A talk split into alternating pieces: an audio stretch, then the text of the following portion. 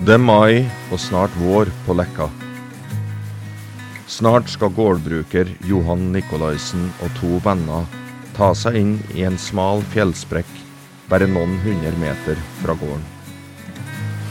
En vet dem at det skjuler seg noe helt spesielt.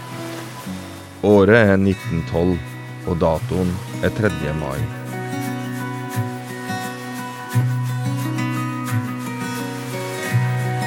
Hører historiske skildringer fra Trøndelag.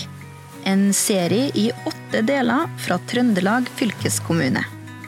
Episode fire. Magi i hula.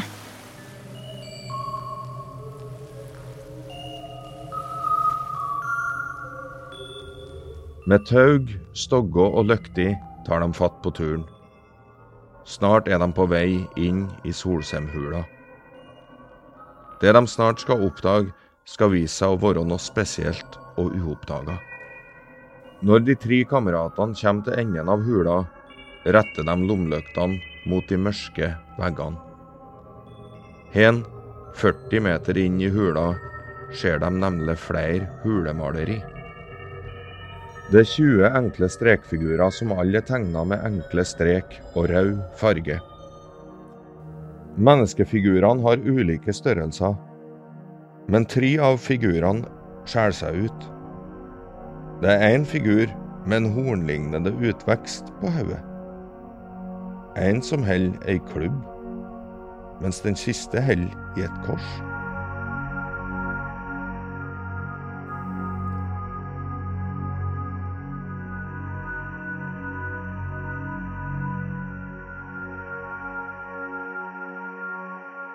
Når funnene av hulemaleriene i Solsemhula senere blir undersøkt av arkeologer, blir det slått fast at maleriene både er ekte og veldig gamle.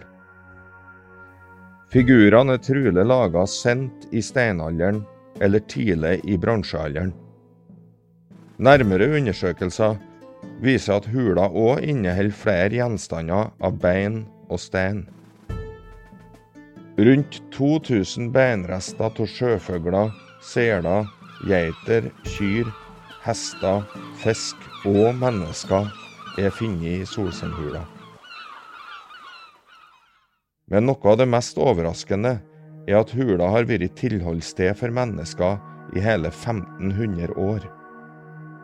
Helt fra år 1700 før vår tidsregning er det spor av levd liv her. Hvorfor holder folk til hen? I ei mørk hul? Flere fagfolk har landa på at det har foregått religiøse ritualer hen. De forkæla beinrestene kan vitne om at hula har vært et offersted. Rester av menneskebein, til og med fra spedbarn, er òg funnet i hula. Vi vet fortsatt ikke med sikkerhet hva som foregikk hen.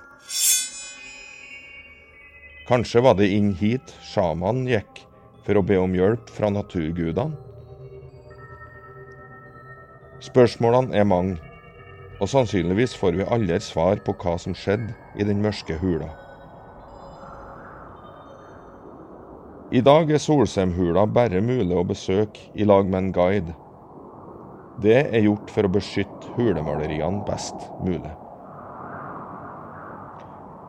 Ingen mennesker holder i dag til i Solsemhula. Men mystikken rundt det som en gang foregikk hen, lever videre.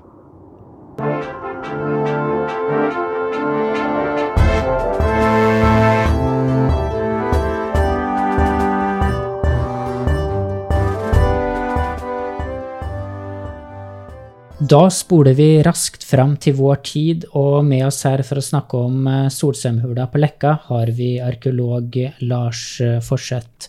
Og hvorfor er det så mye mystikk tilknytta denne hula? Eh, det er jo veldig enkle geometriske figurer som er tegnet på fjellet inne i hula. Og dette er enkle strekmennesker. Så de uttrykker på en måte ikke så veldig mye. Det er ikke så veldig mye du kan utlede direkte av disse enkle figurene uh, her. Og da må man liksom tenke litt sånn generelt da, rundt hva sånne huler er. Og For det første så er jo huler noe veldig gammelt i menneskets historie. Så rent sånn evolusjonært så øh, har jo mennesket hatt i sin tidlige fase som Homo sapiens, fra ca. 200 000 år siden og fremover, så har jo mennesket hatt en veldig sånn, i Europa i hvert fall, hatt en veldig sånn tilhold og tilknytning til huler. Uh, du har jo sånne berømte huler som Lascaux. Uh, og du har hulene hvor de fant de første neandertalerne, f.eks. I Neandertal i Tyskland. Så huler har vært en greie, en ting. Og når menneskene kom opp etter norskekysten sånn ca. 11 000 år siden, 11 10 000 år siden, så etter hvert så vil de ha funnet da, disse her brenningshulene, som, som denne Solseimhåla er et eksempel på. Ja, hva er en brenningshule? Den er dannet i kan du si, svake soner, svake geologiske soner i fjellet, hvor brenningen, altså bølgene, har stått og slått og gravd seg inn. Eh, så denne hulen er ikke, er ikke, oppstått gjennom vulkansk aktivitet eller uh, som en konsekvens av noen slags sånn glidninger i bergflater altså, og sånn. Den, den, er oppstått i brenningen. Mm. Men tilbake til det her uh, mystiske som kanskje har skjedd innen her, ofringer og sånn. Hva veit dere med sikkerhet har skjedd inni Solseimhula? Nesten ingenting vi, vi, vet nesten ingenting egentlig annet enn, uh, som jeg sa, uh, mennesker har i lang tid hatt et forhold til huler. Oppsøkt dem. Muligens, uh, i, i, hvert fall helt i begynnelsen, så har dette vært en sånn ren praktisk greie med å ha ly og varme i forhold til været. det har det kanskje vært her også. og så synes det jo ut som om en del ting har skjedd, da. Sånn Nede i Europa, veldig tidlig, sånn 40 000 år siden, så begynte man å tegne på fjellveggene. Fantastiske figurene i Lascaux osv. Det er jo lett å tenke seg at det er nesten det samme her. Man har funnet disse hulene. Man har søkt inn i dem. Først som ly. Uh, og så etter hvert har det kanskje blitt noe litt mere. Uh, og Det er derfor disse figurene kommer. Men de er jo, de er jo datert relativt sent. Så skal vi sies at dateringen henger jo på at disse her figurene noenlunde henger sammen med disse kulturlagene som er undersøkt inne i hula. Daterte rundt 1700 før Kristus. ikke sant? Det kan vi heller ikke være absolutt sikre på. Uh, men så er det samtidig noe med de her geometriske figurene som vi syns å kjenne igjen fra noen tidlige helleristninger også. Eh, fra noenlunde samme periode. Sånn at ja, jo, det er nok den mest rimelige tolkningen. Uh, og, men hvis vi, hold, hvis vi, tar utgangspunkt i den her 1700 før Kristus, så vet vi jo fra Anna så vet vi jo at i det tidsrommet her så er menneskene her i ferd med å gå fra uh, å jakte og fangste bare til å begynne å dyrke jorda. Vi har dateringer fra Vikna som tyder på at det såkalte kystlyngheilandskapet at det er på plass her. Og Det er jo et landskap som er menneskeskapt. Det er skapt gjennom brenning og rydding og systematisk beiting. Eh, du må brenne lyngen ca. hvert 15. til 30. år. Et eller annet sted i den perioden her, så må du brenne lyngen for å regenerere den. Og du, systematisk så beiter man og rydder vekk skogen. Så landbruket er på en måte på plass, og det har vært en ganske sånn stor endring. da. Ehm, det er jo lett å tenke seg at disse hulene kan jo ha fått ny mening for folk i denne overgangen her mellom jaktfangstsamfunnet til landbruks- jordbrukssamfunnet. Uh, og at noen mennesker i f.eks. i det vi, vi, kaller sånn overgangsriter, da, har tatt seg inn her. At man har holdt den type overgangsriter. Og at disse maleriene er knytta til kan du si, øh, disse menneskenes måte å forstå verden på. Du har jo vært i hula her eh, flere ganger, men hva ville du sagt da om du var den aller første personen i nyere tid som hadde kommet inn i hula og oppdaga disse maleriene du snakker om, slik som de tre mennene vi hørte om i introen? Altså, det, er jo, det er jo en opplevelse, kan du si, å, å, å komme inn i en sånn hule. Og hvis du, har, hvis du har vært inni en sånn hule, så vil du kjenne på at det er ganske spesielt. Øh, rett og slett. Og så går du inn i en sånn hule, og så plutselig så begynner du å se figurer på veggene. Det er klart, det er en ganske sånn Oi! Det er en ganske sånn wow-faktor da, når, når sånne ting skjer. Uh, og de skjer jo øh, innimellom. Jeg har selv vært inne i det vi kanskje mistenker er en ny hule. Mm. Men det er veldig det er mørkt der og, og stille. Og det er jo kanskje, det er jo kanskje en av de tingene som ikke sant, etter hvert har tiltrukket mennesker da, inn i slike huler. Det har vært akkurat dette at uh, det er mørkt der. Og det du ser, er jo at for det første, disse her huler i Norge med maleri, de, de er veldig sjeldne. Og de finnes bare mellom Namdalen og Lofoten. Finnes ikke utenfor det området.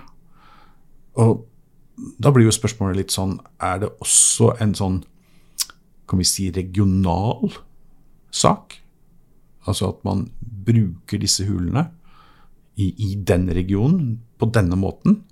Man bruker de ikke på samme måten andre steder. Det at det er Figurene i disse hulene synes stort sett å ligge der i hula hvor det er mørkest. Og Det kan jo tyde på at man har hatt en forståelse av disse hulene som egna for å f.eks. utføre visse rituelle handlinger. Ja, for det er absolutt mørkt der. Og fylkeskommunens rolle da i dag eh, når det gjelder disse hulene, fordi de ligger jo der ganske trygt. Eh, Man kan jo ikke gå inn der uten guide, eh, sånn som det er nå. Men hva er eh, Trøndelag fylkeskommune sin rolle for å bevare eh, en sånn hule som Solsømhula? Fylkeskommunen er forvaltningsmyndighet etter kulturminneloven. og Det betyr at uh, når noe skal gjøres kan du si, med et kulturminne som dette, så er det fylkeskommunen som skal være involvert. Uh, og det er jo vi som har gitt rammene for hvordan denne hula kan være åpen. Det er gjort ut fra et sikkerhetsaspekt at vi ønsker at man i størst mulig grad har kontroll. Uh, bare for å nevne et eksempel utenlandsk. Uh, nevnte Lascaux i Frankrike. Den er faktisk helt stengt, så de har bygget en egen kopi. Faktisk. Så, så langt har man gått der i et behov for å beskytte hula. da. Tror du vi noen gang får svar på hva som skjedde i Solsømhula? Jeg tror jeg ligger sitter veldig langt inne. Fordi at det er jo det er gjort undersøkelser av kulturlag der. Og kanskje er ikke det helt uttømt, men øh, kanskje er det andre huler som vil ha større potensial, egentlig, i og med at det allerede er gjort en undersøkelse i Solheimhåla. Men øh, du, du må nok inn med mer øh, undersøkelser og kanskje litt nyere metoder, rett og slett. Hva håper du å finne da, som ikke er funnet eh, til nå? Man har jo i andre sammenheng øh, har man jo f.eks. funnet DNA. Og øh, der er det vel litt sånn trøblete her. øh, fordi man allerede har gjort en undersøkelse, en utgravning. Og beina f.eks. er håndtert i veldig stor grad av mennesker som kan ha forurensa med DNA, sitt DNA. Øh, men og man har jo hentet ut DNA faktisk fra kulturlag, rett og slett. Men det er uforstyrrede kulturlag, og det er jo et kjempespørsmål om det er her. Det er jo igjen sånn ja, Kanskje andre huler plutselig kan gi den type resultater, da, som kan Ja. være ganske spennende. For det kan være andre huler som skjuler minst like mye, og kanskje mer, enn Ja. Solsemhula? Ja. Tror, tror ikke det er helt uttømt ennå.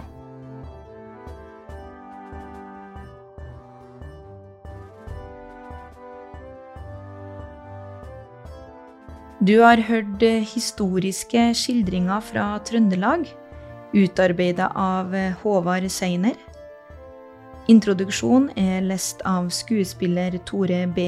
Granås. Musikk og lydlegging Kjetil Hustad.